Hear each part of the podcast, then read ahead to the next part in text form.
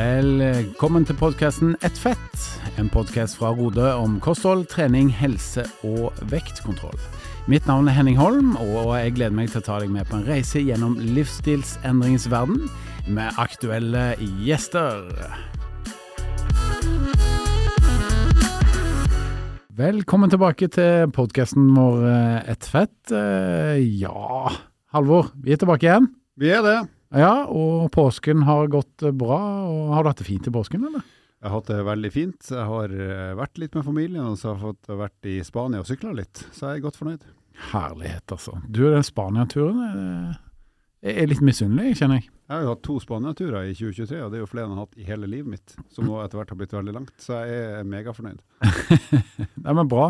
Har du noen planer for forsommeren eh, nå? Frem mot sommerferien, eller før sommerferien? Ja, nå er jo egentlig, i min verden, er jo den beste tida nå det er etter påske og før sommerferie. For da er det som regel varmt og fint og fine dager, eh, og lyst. Så da går det an å gjøre ting på ettermiddagene etter jobb, og så er det jo ofte muligheter i helgene òg. Så jeg skal selvfølgelig prøve å bruke mest mulig tid på sykkelen. Eh, Mm. gjerne sammen med deg, Henning.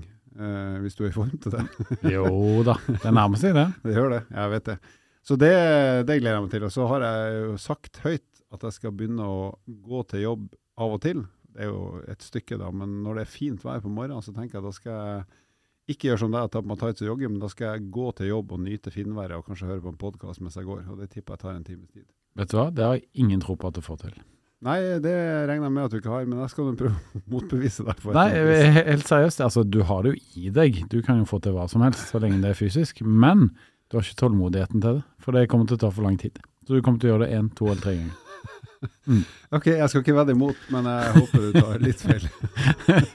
Men du da, skal du bare surre rundt? Nei, jeg har jo sykla ca. 350% mer gjennom vinteren enn det jeg gjorde i fjor. Og fjorårssesongen var jo helt OK til å være en sånn mosjonist som jeg er. Så Ja, du har sykla sju ganger med andre ord etter jul? nei da, jeg har sykla flere ganger ukentlig gjennom hele vinteren. Det har jeg. Så få se, da. Jeg er veldig spent på hva dette betyr, når det faktisk eh, ja, blir såpass varmt og fint som det nå begynner å bli, at, eh, at vi skal ha mye på veien. Ja, Du er rett og slett eh, spent på hva slags betaling du får på veien for den jobben du har gjort Ja, inne Mm. på uh, spinningsykkelen. yes. Nå skal innskuddet mitt i banken gjøre seg gjeldende. Jeg tror du er veldig god på flatene, kjempegod nedover, Mm. og ikke kjempegod oppover. Motsatt av løpingen min, med andre ord. Ja, For der er jeg faktisk god på ba- motbakke. ja da. forbausende god, faktisk. Ja. faktisk.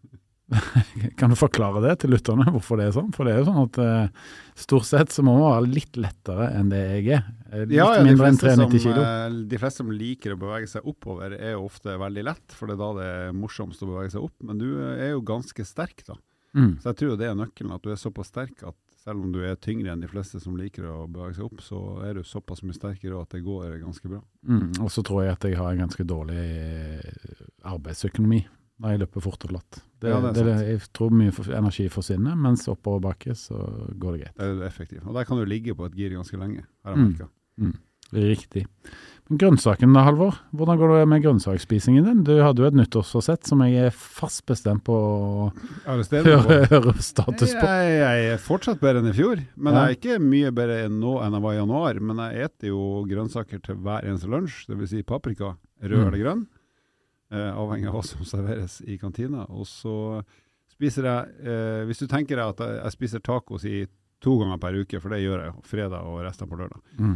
Eh, så vil jeg si at hvis du har en total mengde med tilbehør, hvis du tar bort kjøttet, altså er det ost og grønnsaker, så vil jeg si at jeg spiser like mye tilbehør som i fjor, men nå er det mindre andel ost og mer andel grønnsaker, hvis det gir Mm. mening. Mm. Men Så det er en grunn til at jeg spør. Jeg er ikke så interessert i svaret ditt, egentlig. Tipper det er ganske mange lytterne heller ikke så Skal du bare fylle sendetid? Nei, det er fordi at jeg er mye flinkere enn deg.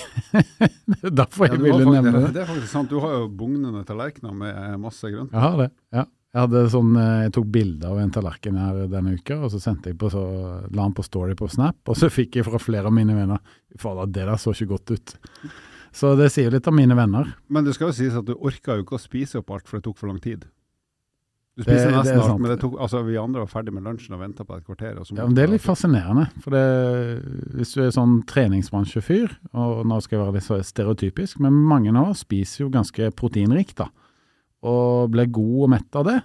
Eh, og alle disse grønnsakene Jeg blir jo ikke så så mett av det som jeg pleier å være. Det er jo en vanesak, eh, selvfølgelig.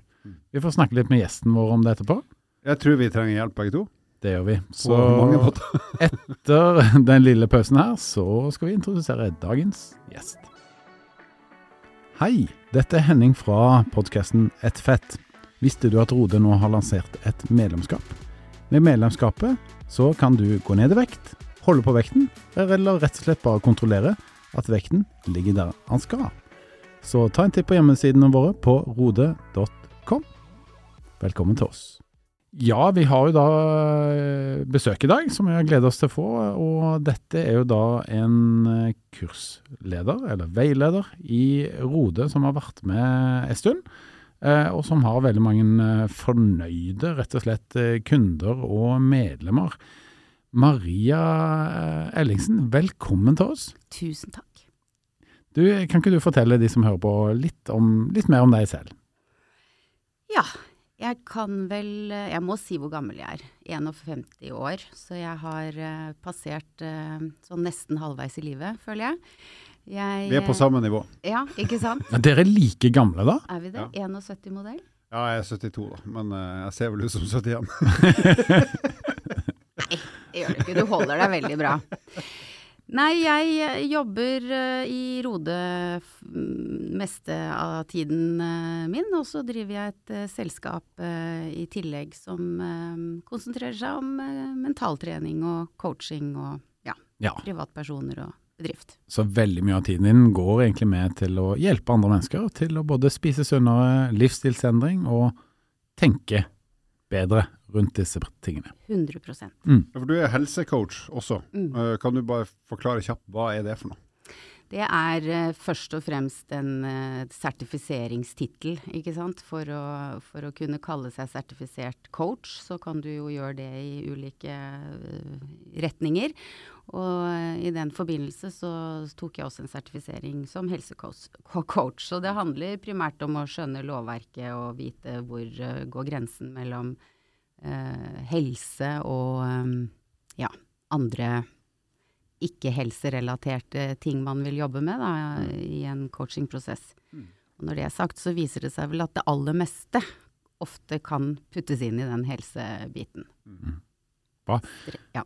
Og du hjelper jo veldig mange mennesker til å gå ned i vekt, og noen å holde på vekten. Altså, hvordan er hverdagen da, som en eh, veileder? Det er eh, alltid veldig spennende å gå på jobb. Fordi eh, selv om jeg kan møte de samme menneskene om og om igjen, holdt jeg på å si, uke etter uke over lang tid, for det er jo veldig mange som holder på i prosess over lang, lang tid hos oss, så opplever jeg at disse menneskemøtene er eh, alltid ulike, uansett. Altså det, det, det er, vi er i prosess uh, i uh, møte, men uh, vi er jo i prosesser mellom møtene våre også. Så alle kommer jo alltid inn med et eller annet fra uka som gikk som engasjerer meg, og som, som gjør at jeg, det tennes en, en ny interesse hver gang jeg møter disse menneskene. Og det gjør jo at jeg mm, tenker hvorfor skal jeg finne på noe annet? Altså, kan jeg like gjerne holde på med dette. Ikke sant? For det er jo spennende, det å jobbe med mennesker. og det er jo noe vi har drevet med i mange år òg, både som eh, ja, treningsveiledere og personlige trenere. Jeg har et spørsmål, for jeg er jo eh, for så vidt på mange måter enkel, men jeg, jeg, jeg vet at jeg ikke er så flink til å jobbe med mentale prosesser hos andre.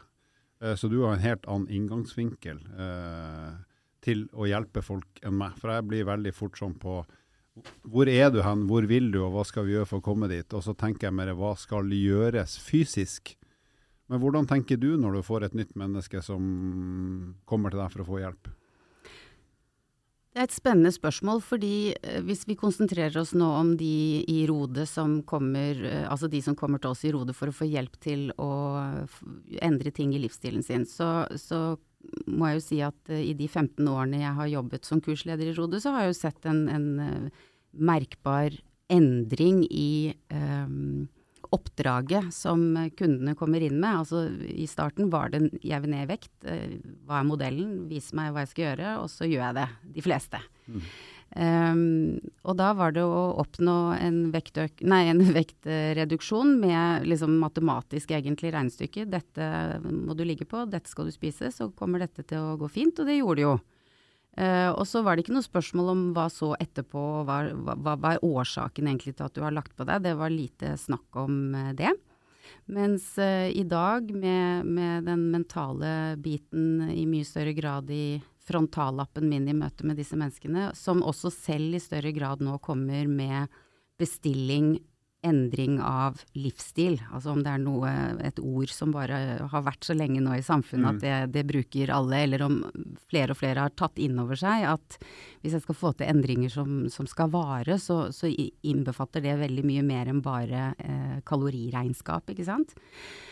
Og da øh, er det jo øh, to Jeg føler jeg står med to ben, da, Halvor, i disse møtene. For den, den, det ene benet, det er jo rode, øh, kosthold, ernæringsveiledning, aktivitet, trening, søvn, altså alle disse mm. tingene her det er jo mye faktabasert, som, som det skal inneholde en del rådgivning, ikke sant. Mm. Er jo, da er jo jeg eksperten som du mm. kommer og vil ha svar fra. Når det gjelder den mentale biten, så, så er jeg uh, rik på spørsmål, og som jeg pleier å si, og har veldig få svar. Jeg vet jo hva jeg tenker om det du står overfor av utfordringer, og jeg vet jo hva jeg uh, oppfatter i din historie av virkeligheten, som jeg tenker kan være noe av utfordringene dine, ikke sant. Men uh, det jo, handler jo da om å stille alle disse spørsmålene um, som får deg til å reflektere over hva er dine begrensende overbevisninger, sannheter og holdninger, hva som holder deg tilbake. Og det er veldig ofte noe helt annet enn det du tror i mm. utgangspunktet. Men er det sånn da at du når du møter folk for første gang eller andre gang, altså når du begynner på en ny kunde- eller menneskerelasjon, er det sånn at du opplever ofte at folk holder igjen på ting? At du merker at her er det et eller annet som vedkommende ikke har lyst til å si, eller ikke vil si, eller prøver å skjule? Eller er det sånn at det bare renner ut uh, med en gang? Det er forskjellig. Vi er jo veldig forskjellige. Så noen uh, forteller kanskje allerede første møte, kanskje allerede i en mail før vi møtes, at uh, dette er livet mitt, og så drrrt, maskingevær av uh, utfordringer i livet. Alt fra ekteskapsproblemer til, ikke sant. Mens andre kommer det jo frem veldig vil jeg si vesentlige deler av, um, av livet og, og historien, kanskje etter et år, etter to år, som åpenbart åpenbarer seg for meg veldig fort at ja, men det er jo der det ligger. Eh, det har jeg ikke visst noe om. Det, det, hadde vært fint om du hadde fortalt. Så jeg er nok mer bevisst også i dag å, å prøve å stille en god del sånne åpne spørsmål og se om det er noe som ligger der, da. Og så jobber jeg litt ut ifra for egen del også, men med tanke på mine deltakere, at uh, veldig mange kommer jo inn i en tilstand av uh, å være ubevisst ubevisst, hvis du mm. kan tenke ja, ja. deg hva jeg mener med det jeg vet det er noe som er gærent, men jeg, har ikke, jeg er ikke bevisst hva det er, eller at det egentlig er så gærent. Og så blir man jo bevisst at det er noe som eh, ikke stemmer. Noe jeg vil gjøre annerledes, eller ikke sant. Betyr det, bare for å prøve å oversette, betyr det at hvis jeg er kunden din, og så har jeg egentlig ikke Jeg har ikke tenkt å skjule noe for deg, men det er ikke helt sikkert at jeg vet hva det egentlig skal fortelle deg. Ja. For at jeg har liksom ikke klart å finne det sjøl. Det er helt riktig. Ja. Det er helt riktig. Og det er klart, det, her igjen er det jo forskjell på, på bestillingen og hva, hva, en deltaker kommer inn med av selvbevissthet rundt hva, hvor skoen trykker og hva, hva, som er problemet, men også kanskje hvor jeg vil hen, da. Hva er, det, hva er, det, jeg drømmer om, hva er det jeg ønsker meg? Så jeg er opptatt av å, å hjelpe de til å designe en um, her og nå, uh, altså et kart over terrenget her og nå. Hvor er jeg nå? Være veldig bevisst på, på nå-situasjonen og ta inn hele livsstilssirkelen. Ikke bare at jeg er, eh, føler meg overvektig og sliter med kostholdet, men da skal jo trening og alle disse andre tingene inn her også. Uh, og så, og det var jo du litt inne på selv også, du stiller jo de spørsmålene du òg. Hva er det du ønsker deg, hva er det du vil? Og så må vi jo designe en plan. Men uh, for å få til uh, det som måtte være veien vi må gå for å komme til det målet, så må jo en del andre elementer i livsstilen eller livet være med på det. Så hvis du f.eks. har um, et uh, hus og hjem og en, en, er i en uh, alder og en livssituasjon hvor du har uh, små barn, full jobb, en mann som ikke virker, som jeg pleier å si, som ikke deltar så mye på hjemmefronten. Det, det har ikke jeg. Nei, nei. nei. Jeg følte du snakket om Halvor, jeg nå. ja, nei, jeg, jeg så, så, på han, men jeg snakket ikke til han. Ja, ok. Ja. Men, men, altså, hvor, hvor, hvor, alt er litt sånn hektisk og kaos, og du, du har kanskje et, et, et hus og hjem som også er en del av livet og livsstilen din, hvor det bare koker over øh, med klesvasker Er du med meg? Ja, ja. Den uroen der kan jo være rotårsaken til at du ikke får planlagt noe. At du ikke får handlet inn det du vet er viktig å ha i huset for å klare å, å spise bra. Du må jo ha paprikaene der hvis du skal spise ja. de. Og øh, kanskje mest av alt ikke har tid og kapasitet og overskudd til å få trent eller en gang begynne med litt aktivitet, gå en tur, ikke sant, for skal, det er så mye på to do-listen. Og så kommer søvnen, som eh, også gjerne kommer på bekostning av, av dette kaoset, og ikke minst stress, og osv. Mm. Og, da, og, og da ta denne deltakeren og på en måte prøve å plassere den rett inn i det ideale, den ideale modellen av spis sånn, tren sånn, og så må du huske å sove syv timer hver dag, må ikke stresse, og ikke bli stresset av at du ikke må stresse, og ikke sant, sånn. Så har vi begynt på et helt Eh, et lite hensiktsmessig sted da, i denne sirkelen, tenker jeg. Og Det du beskriver nå er vel noe som treffer oss alle mer eller mindre rett i magen konstant. Men hvis du tar en gjennomsnittlig person som du hjelper, som har det livet her, som de fleste av oss mer eller mindre har, hvor er det man da, hvor begynner du da? Eh, liksom allikevel. For et eller annet, en eller annen endring må, et eller annet må skje allikevel. Hvor er det man starter da? Ja, øh, som jeg sier, så bruker jeg denne livsstilssirkelen øh, som et verktøy. Tegner den opp på tavla foran om det er en gruppe eller én person. Og, og, prøver å sammen med vedkommende danne oss et lite bilde. Ta temperaturen på hva er liksom situasjonen, hva er livet ditt nå. Mm. Um, og så vil det jo vise seg når du skalerer dette litt, så vil det jo bli ganske tydelig ovenifra når du står og ser på dette hele bildet. For du veit at du har utfordringer på kosthold, du veit at du burde trent, du veit ikke sant. Alt det der mm. vet du. Men øh, kanskje ikke har tenkt på alt det andre som du også, som også tar energien din, da. Altså, mm. Og da øh, vil det jo åpenbare seg fort, i hvert fall for meg, hvor kanskje det riktige stedet å begynne er her, å rydde og sortere, sånn som eksempel eh, hjemme, da. Mm. For å skape litt mer plass, rom, så det ikke er så mye energilekkasje, ikke sant.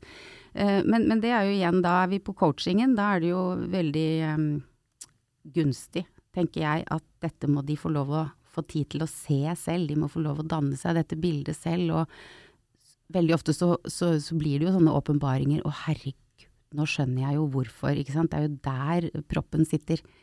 Og da må man jo begynne å lage en plan der, tenker jeg. Så hva er det første lille skrittet vi kan ta nå, kanskje første uken, før vi begynner på kostholds- og, og kaloritelling og husk å handle riktig og sant, alt det der. Og så må du ut og gå i hvert fall 20 minutter hver, ikke sant. Mm. Begynne der. Nå har du en uke, prøv å se hvordan du kan legge opp til um, en annen strategi og en, en, en annen balanse i heimen, og så ser vi om det, det har åpnet seg flere Så du har egentlig kartlagt den personen sånn at den skal se sitt eget liv litt utafra eller på en måte i noen dager til de treffes igjen neste gang med deg, ja. og har liksom prøvd å sette ord på hva er det jeg sjøl ser nå som kanskje er lurt å begynne med? Da er du inne på det igjen, hvor bevisst er man egentlig, hvor skoen trykker, ikke sant. Og, og kanskje det derre um, spørsmål har du lyst til å begynne å trene, f.eks. Hvis du står da midt i et eller annet hamsterhjul av sant, alt koker, og, og, du får det spørsmålet, og det har du egentlig aldri engang tatt stilling til de siste, ikke sant, så er jo svaret veldig sånn nei, det har jeg ikke lyst til. Og, og så igjen, når du får liksom sett det ovenifra og får rydda litt, og du kanskje ser veldig tydelig uh, at det er men det er du som må se det, ikke jeg. Jeg vet det jo, men du må se det. At det er også faktisk en, en viktig del av å få til den derre livsstilen jeg drømmer om, ikke sant. Eh, så, så, må vi bare rydde litt på andre ting, sånn at du ser at det går. Og da kan det hende du får lyst.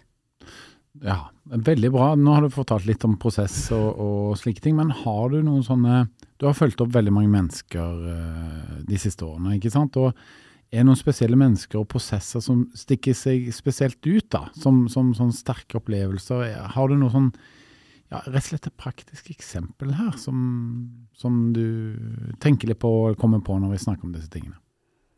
Praktisk eksempel. Altså, jeg, jeg tenker jo uh, egentlig veldig uh, bredt når du stiller et sånt spørsmål, fordi at uh, igjen, folk er så forskjellige, og her snakker vi også om møter med med ulik alder og livssituasjon, altså helt ned til unge mennesker. Den yngste jeg har hatt i, i, prosess hos meg var jo 16 år, og det kunne jo oppleves litt sånn er det riktig at du skal gå på et rodekurs og osv., men da var jo den, den der mentalbiten veldig god å ha som en sånn trygghet hos meg, for mm. dette handler ikke om å skape en, en forstyrrelse hos en som men, men, rett og slett gå inn og hjelpe. Hvor, hvor er det problemet ligger hos deg? Helt opp til til Inga på, på 82, ikke sant, eh, som eh, ser at eh, det er fint å bli eldre, men det, det, er tyngre med denne vekten jeg har, eller, eller, den fuelen jeg putter på tanken, gjør ikke akkurat at livet blir en fest, ikke sant. Og, mm. og så er det hele det spekteret midt imellom. Så, så, hvem utpeker seg, eller hva utpeker seg? Um, hvis jeg får lov å, å si at uh, i alle disse gruppene så er det jo alltid noen som treffer deg spesielt nært. Um, og det behøver ikke å være noe spesielt det, det kan være bare en personlighetsklikk, en historie, måten vedkommende tar tak i prosessen sin, som også inspirerer og gjør inntrykk på meg, ikke sant. Um, men jeg står vel oftest igjen og, og opplever at det gjør størst inntrykk på meg når, eh, når, jeg får lov å være med og se at livet tar en, en, en uh, betydelig vending på helse og sant, livskvalitet, glede, mestring i livet. Hva er det for noe annet vi egentlig eh, skal, skal, tenke at vi, vi, hjelper til med, hvis ikke det er de, de elementene der. Mm. Så det kan jo være alt fra, og det, det er det ganske mange som, som um, som har fått uh, barn etter de begynte hos meg. På, på, ikke sant? Så rodebabyer, de har det poppet opp mange av rundt omkring. For de trengte rett og slett å gjøre noe med livsstil og vekt, kanskje for i det hele tatt klare å, å få til å, å, lage barn, ikke sant. Det er en sterk historie. Du, du, er fadder til en haug av unger? Jeg er fadder. Jeg spør hver gang skal, skal hun hete Grete eller Maria. Det kan jo bli Grete Maria. Nei, og, og ekteskap. Altså, jeg tror jeg har vært med å bidra til å redde en god del ekteskap ekteskap også, eh, fordi at en av partnerne kanskje eh, irriterer seg voldsomt over et eller annet, altså alt fra snorking til eh, at man i verdisystemet sitt syns det er vanskelig å leve med en man ser bare sitte på sofaen hele dagen, når jeg selv ønsker å være en aktiv, ikke sant. Det er en hel del sånne ting. Å få lov å være med å hjelpe til å se at de får til en eller annen magisk eh, ny eh, Ja, det er jo Det må, det må jeg bare spørre, for det her er jo kjempeinteressant. Men hvis du jobber da med type par, eh, jobber du da med begge to, eller jobber du med én av de? Eh, og hvordan måte, får du det til å bli en, et, et fellesprosjekt, da, sånn at det faktisk blir bra, og ikke bare blir at nei, men da bare stikker vi av for oss? Ikke sant? Selv om det kanskje kan være løsninga det òg av og til. Ja, absolutt. Um, jeg jobber jo ikke som ekteskapsrådgiver eller parterapeut, så det er vel ikke sånn at jeg jobber mest med par. Men eh, jeg har jo fulgt opp par, absolutt, eh, hvor begge to ser at de er nødt til å gjøre justeringer og endringer, og, og vi gjør det sammen. Det er jo en, et, et, et drømmeprosjekt, eh, syns jeg å få lov å være med på. Ellers så tror jeg jo det i større, altså stort sett det handler om å være Altså det, den ene går på kurs eller er i en prosess, og så er den andre med i en eller annen form der hjemme. Det er jo ikke sjelden vi hører liksom ja, fint at jeg har gått, gått ned ti kilo eller et eller annet, men mannen min har gått ned 20, liksom. Det er urettferdig. Han har jo ikke vært på kurs engang. Så det er klart, det skjer jo Synergien foregår jo da uansett om det er den ene eller den andre. Og han har ikke betalt for det engang? Nei. det er dårlig. Ja, for det, men det, det kan, er vel ofte sånn når man er tett på folk eller i par, at uh, man ofte begynner å si at ja, men du må jo du må forandre deg. Du må hakke på den andre, den andre, den andre. Mm. Men det funker jo dårlig. Veldig dårlig. Så hva er liksom tipset der, da? Uavhengig av om man skal opp eller ned i vekt, men liksom hva er hvordan skal man angripe noe sånt hvis man skjønner at ok, eh, vi må gjøre noe sammen, eller vi må forandre oss begge to, istedenfor at bare den andre skal fikse på et eller annet? Ja, altså det tror jeg jo er nøkkelen til å få til eh, god uh, flyt mellom eh, to parter uansett. At man er enige om at her er det noe vi ønsker å justere og, og endre på, og, og ønsker å gå, gå, den veien sammen, om den er humpete eller ikke sant. Eh, dessverre så tror jeg jo vel kanskje at det oftere, det er i hvert fall det inntrykket jeg har i forhold til de som kommer til meg, at det er én av partene som tar dette prosjektet eh, og, og, bærer det, på en måte. Og så er det litt sånn eh, ikke tilfeldig, men, men, ulikt, da, i hvilken grad eh, det den personen gjør eh, påvirker den andre. Om den blir med, eller som du sier, om det blir heller at de går hver for seg. Det er jo greit innimellom det òg, kanskje. Ja, sikkert, Bare få. Få, få det klart. Men, ja. Men jeg tror, jeg tror, jo i all kommunikasjon eller relasjon så er det jo kjempeviktig, akkurat det du sier. Jeg kan sitte og hakke på deg og se alle dine feil, men hvis ikke jeg er det minste interessert i å gå inn og se litt på uh, meg selv ovenifra, og se hvor, hvor kan jeg begynne, så er, er det litt sånn dødfødt. Veldig bra, men vi, vi, må gå litt videre her og se litt på Ja, eh, jeg er veldig interessert i å høre Litt om dette forskningsprosjektet Go Low, som vi har snakket om flere ganger her på podkasten. Og du har vært sentral i dette forskningsprosjektet, som da ble gjort eh, eh sammen med Sykehuset i Vestfold, eh, og da i samarbeid med, med oss i Rode. Og det viste jo formidable resultater hos deltakerne, som gikk ned i vekt. Eh, og de gikk jo ned i snitt ca. 15 kg, og veldig mange har blitt værende på den vekten nå. Og du var jo en av de kurslederne som fulgte opp veldig mange av de som, som, var en del av dette studiet. Og um, vi Halvor, er vel litt nysgjerrig da på, på, hvordan var det å være kursleder og, og være en del av dette prosjektet. For dette kommer jo antageligvis til å få internasjonal oppmerksomhet for resultatene. Så det, det er jo ikke hvilket som helst studie du har vært en del av. Um, så, så, dette lurer vi litt på, Halvor. Hvordan var det? Det var kjempe, kjempe, kjempespennende å øh, først bli spurt og få lov å være en av de fire kurslederne som skulle drifte disse gruppe, øh, altså denne delen av det. Uh, ja, det har vært kjempestort fra dag én, og nå uh, å se, se, tilbake på det nå, så, så, skjønner man jo virkelig at dette, har, dette kommer til å bety noe for mer enn bare akkurat de og oss. Um, det, jeg vil jo si um, at å følge opp uh, gruppene var vel ikke så veldig annerledes uh, der, uh, der, og da i møtene med de enn en de ordinære kursgruppene våre, vil jeg si.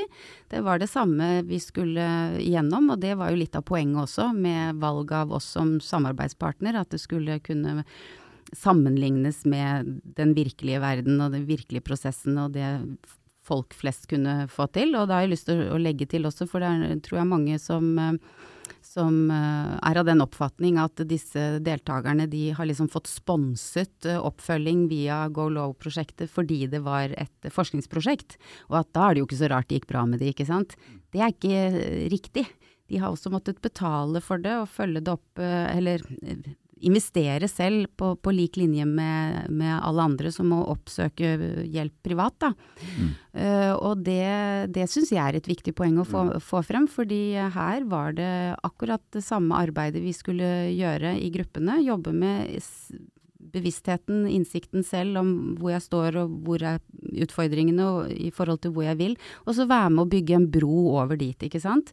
Alle de samme elementene. Alt fra det mentale til følelsene til mestring og utfordringer og så, ja. Men du hadde folk som både gikk på den såkalte kickstarten, og de som gikk med mer sånn eh, gradvis vektnedgang. Sånn sett i ettertid, er det noe forskjell på hvordan du opplevde prosessen deres? Liksom, kan du si at en typisk prosess for de som hadde kickstart var sånn, og en typisk prosess for de som jobba gradvis var litt annerledes? Nå var jo uh, dette prosjektet designet på en sånn måte at uh, um, vi skulle følge parallelt. Vi hadde inntak av ny gruppe tre ganger i løpet av et par år, slik at vi hadde da en, et års oppfølging av to grupper samtidig. Den ene lavenergi, som du sier. Uh, og den andre mer altså rodebalansert, som vi kalte det. Full, fulgte rodemeny basert på individuell energiberegning. Og eh, i og med at det var designet på den måten at dette skulle gå over et år, det visste man når man meldte seg på, det visste vi som skulle følge de opp. Eh, og det skulle tas målinger i forkant, underveis og i etterkant som eh, på en måte var eh, bevisresultater utover bare det å se på vekten og merke det på, på buksa, ikke sant. Og det gjorde jo at um, uh, vi, vi, hadde en litt annen måte å jobbe på. Uh, for det var mer rom for nettopp det å designe denne prosessen med en tanke om start og slutt, fordi vi visste vi skulle holde på ikke åtte uker, og da ser jeg ikke deg noe mer. Her var det mulig å bygge det fra et, et du har bedre tid på det, rett og begge mm. innforstått med det, på en måte? Ja, en, ja, og en forpliktelse begge veier også. De uh, forsto at her må jeg gå uh, veien og skal levere, og jeg uh, skal levere og støtte hele veien også, ikke sant. Og um, hva var spørsmålet ditt, egentlig? Nei, bare om det var, Hvis du ser liksom tilbake, så ser du den, den typiske prosessen til en som gikk på kickstart, ja, og som hadde den raske vektene, ja. kontra en som gikk på det mer gradvise, var det noen liksom ja. forskjeller du kunne observere der? Ja, det var, eh, det var, egentlig det som var litt av poenget med at jeg begynte med dette, at det var designet. Fordi at um, de som ble valgt ut i de to ulike gruppene, det var jo random, randomisert, er det ja, det heter? Loddtrekning, rett og slett. Riktig. Helt tilfeldig. Ja. Uh, og det vi opplevde uh, var jo at når de meldte seg inn og viste interesse til at de hadde lyst til å være med i dette prosjektet, så, så var jo vel kanskje 80% av de veldig sånn innstilt og kine på den lavenergigruppa. Det var liksom, for det var jo litt nytt og litt kontroversielt, dette. ikke sant? Man har prøvd mye, og så plutselig dukker det opp noe nytt. Lavenergi, hva er det for noe? Skal følges opp av noen man har tillit til, ikke sant. Så det, det jeg opplevde størst forskjell på, det var jo um, en sånn skuffelse, kanskje, fra mange av de som måtte holde seg til eh, balansert meny og, og uh, ja. ikke fikk være med på dette nye. Det var, eh, det var, den største forskjellen i, i starten. Eh, å klare å motivere også de balanserte, altså de som fulgte ordinære menyer, til um, å, å, å, ha tillit til prosessen og tro på at det, det er også fortsatt en riktig vei å gå. Mm. Um, og vi vet ikke, som vi sa også hele veien, vi vet jo ikke om det slår ut ulikt med de, dere to gruppene, så nå må du bare ta din prosess på alvor og gjøre det som du skal gjøre. Og så vil begge gruppene komme i mål. Mm. Det vet vi jo. Uh, og så får man jo definere hva er mål. Er mål akkurat det å komme i mål på vekten, ned i vekt? Eller er det også det å være stabil uh, etterpå? Det Mm. Til syvende og sist så tar det sånn ca. like lang tid. Så Litt sånn banalt sagt, så de fleste hadde lyst på den kickstarten, for det er jo kult å tenke at yes, jeg kommer til å få store resultat kjapt. Det, det vil jo alle, det skjønner vi jo. Mm. Men måtte du da på en måte prøve å eh, roe ned eller bremse litt på de som ikke havna, altså som havna i balansert, altså gradvis vektinngang, men som egentlig har lyst på kjappere. Men så liksom OK, vær tålmodig, du må roe ned selv om du har lyst til å gjøre radikale endringer. Så måtte du nesten coache litt på at du, du, får, du, får, ikke lov til å gjøre det. Du må, du må litt, eh, ta deg litt mer tid. Ja, altså det var jo en del av, kall det, rammeverket og forpliktelsene eh, som de måtte være enig i før de ble trukket ut. Mm. At eh, kommer du der, så må du følge det opplegget. Men eh, du vet det at eh, når du kommer inn, som også var noe av eh, inngangsbilletten her, du måtte ha en BMI på over 30. Det vil si at dette var mennesker som uavhengig av alder og høyde, hadde eh, vekt rundt 100 eh, kilo pluss-minus. Og, og, da eh, bli satt på en balansert meny, som er Rodes eh, standardmenyer, da, som baserer seg på, på, individuell energiberegning, så vil jo, og du følger den, så vil du gå ned i vekt da også, mm. og ganske betydelig. Eh, på, på bort mot eh, altså 800 000 Nei, 800 Nei, 800-900 kalorier i underskudd per dag vil jo gi et vekttap mellom en halv kilo og en kilo i uka. Ja. Mm. Så, så bare å trygge de på det. At ikke tenk på hva du burde eller skulle gjerne ha gjort eh, noe magisk, men gjør det du har fått beskjed om. Det er liksom snart 50 års eh, Det har jo vi 50 års erfaring på at også fungerer veldig godt. Mm. Var det svar på spørsmålet ditt? Og da er spørsmålet, for det at alle, begge gruppene har jo hatt formidable resultat. Også det som er så imponerende, syns jeg da, som har lest mye forskning uten å være så delaktig som deg, det er jo at utrolig mange har klart å holde på det resultatet i lang tid. Hva har vært nøkkelen der? Er det noen forskjell i gruppene der, eller er det liksom en felles nøkkel som har gjort at de har ikke bare gått ned i vekt og så rast opp igjen, men har holdt seg og faktisk seget enda litt mer ned i vekt? Eh, det viste seg jo ikke være så stor forskjell. Det var jo noe av det vi var på jakt etter å finne svaret på, som vi eh, var litt usikre på. Um, så det viste seg jo ikke være så stor forskjell på de som hadde gått raskt ned i vekt versus de andre som tidligere har vært hevdet, og som vi nå mer må kalle en myte. At eh, går du raskt ned, så går du raskt opp igjen. Men jeg tror den store eh, nøkkelen, eller nøkkelen til hvorfor eh, vi kan sitte nå med disse gruppene som har deltatt og, og, tillatt at vi kan nettopp eh, følge de opp over lang tid etterpå og faktisk få vite disse tingene, for de fleste forsvinner jo. Vi har jo ikke noe kontakt etterpå hvis ikke de føler de trenger eh, oppfølging. Det er jo em, eh, oppfølgingen over tid. Det er det ene som hele veien kommer frem i begge gruppene. Det er eh, ikke minst eh, det å være en del av en gruppe, altså det å kjenne seg som en del av et fellesskap som jobber i samme retning, ikke sant. En del sånne faktorer som, som helt åpenbart em, eh, har vært avgjørende. Og så må jeg jo også legge til at dette, det er jo flere av disse deltakerne i begge gruppene som fortsatt er i oppfølging. De er ikke nå, eh, de fleste av de er ikke nå på vei ned fortsatt. Noen det også. Kanskje de har gått litt opp og så vil de ta tak igjen. Men, men de fleste er jo hos oss fortsatt for å være trygge på at eh, de har stabil vekt. Og det er ikke bare for at jeg skal veie de, men det er fordi at vi fortsatt jobber med endring av vaner og rutiner og vedlikehold. Og det, jeg må jo si, så det her er jo altså, ekstremt interessant i seg sjøl, men det er jo også litt av grunnen til at Rode nå for ikke så mange måneder siden lanserte det her medlemskapet, der du kan committe deg ikke bare i åtte uker, ti uker, tolv uker, men altså i tolv måneder eller mer. Eh? Med, med en sånn fast månedsvis. Fordi at den prosessen er ikke ferdig med et vekttap på x antall kilo på noen få uker. Det er, det, det er mye som skal skje etterpå også, og det er liksom ikke gjort på en, i en feil. Da. Nei, det må vi våge å si. Og, og det er jo klart at vi som var med å jobbe med dette, som fikk lov å på en måte være med i et års rammeverk eh, lenge, lenge før de andre kollegaene våre i Rode hadde det tilbudet ut til sine deltakere.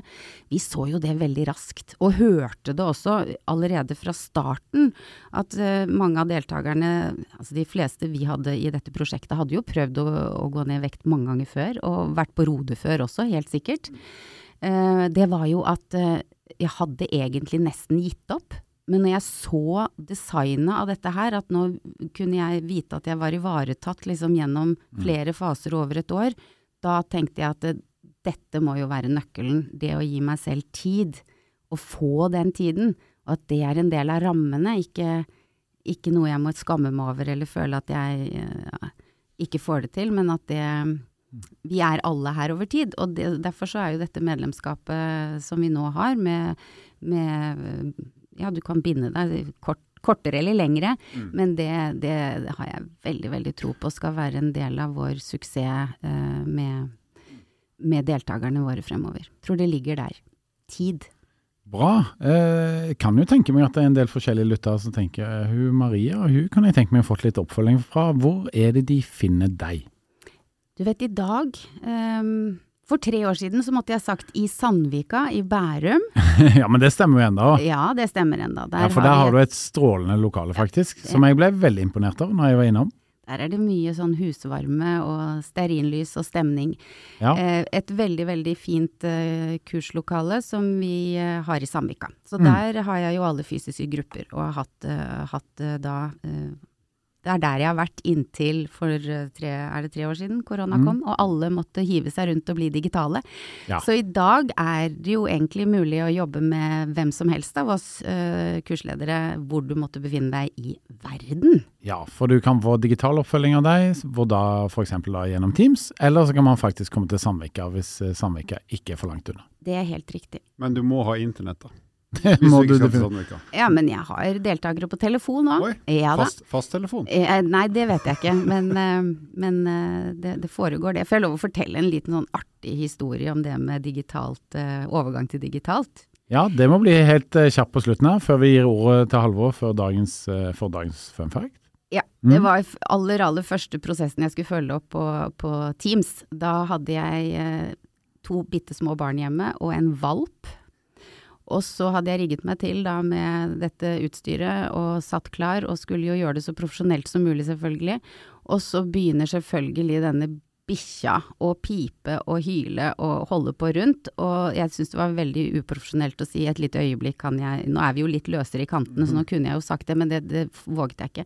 Så da måtte jeg knipse og liksom febrilsk få kontakt med hun som var eh, hjemme hos oss da vi, hadde, vi var heldige og hadde en au pair ja. i noen år. Og hun, hun kom og la seg ned på gulvet under bordet, ikke sant, for å roe den hunden. Der stakkars lå hun i en halvtime mens jeg hadde Teams-møte og satt liksom da en halv etasje på, rundt bordet da.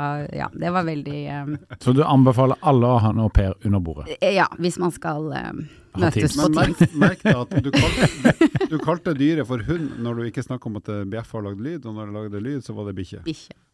Bikkjekreke. Ja, helt riktig. Veldig bra. Tusen takk, Maria. Dette var kjempeinteressant. Eh, veldig glad for at du tok turen innom. Og så skal vi slippe til han eh, moroperen vår her, da. Bokstavelig talt slippe til, faktisk. Ja. Hva har du å by på? I dag har jeg følgende å by på. Et tema som jeg aldri slutter å bli fascinert av, nemlig flatulens, eller promping, eller fising. Eh, jeg har sjekka ut hvor mange ganger i døgnet et menneske i gjennomsnitt fiser. Og Da er det selvfølgelig ikke statistikk på alle i verden, men iallfall det som er foreligger. Og Da kan jeg spørre dere, hvor ofte fiser dere per døgn? Vet dere det?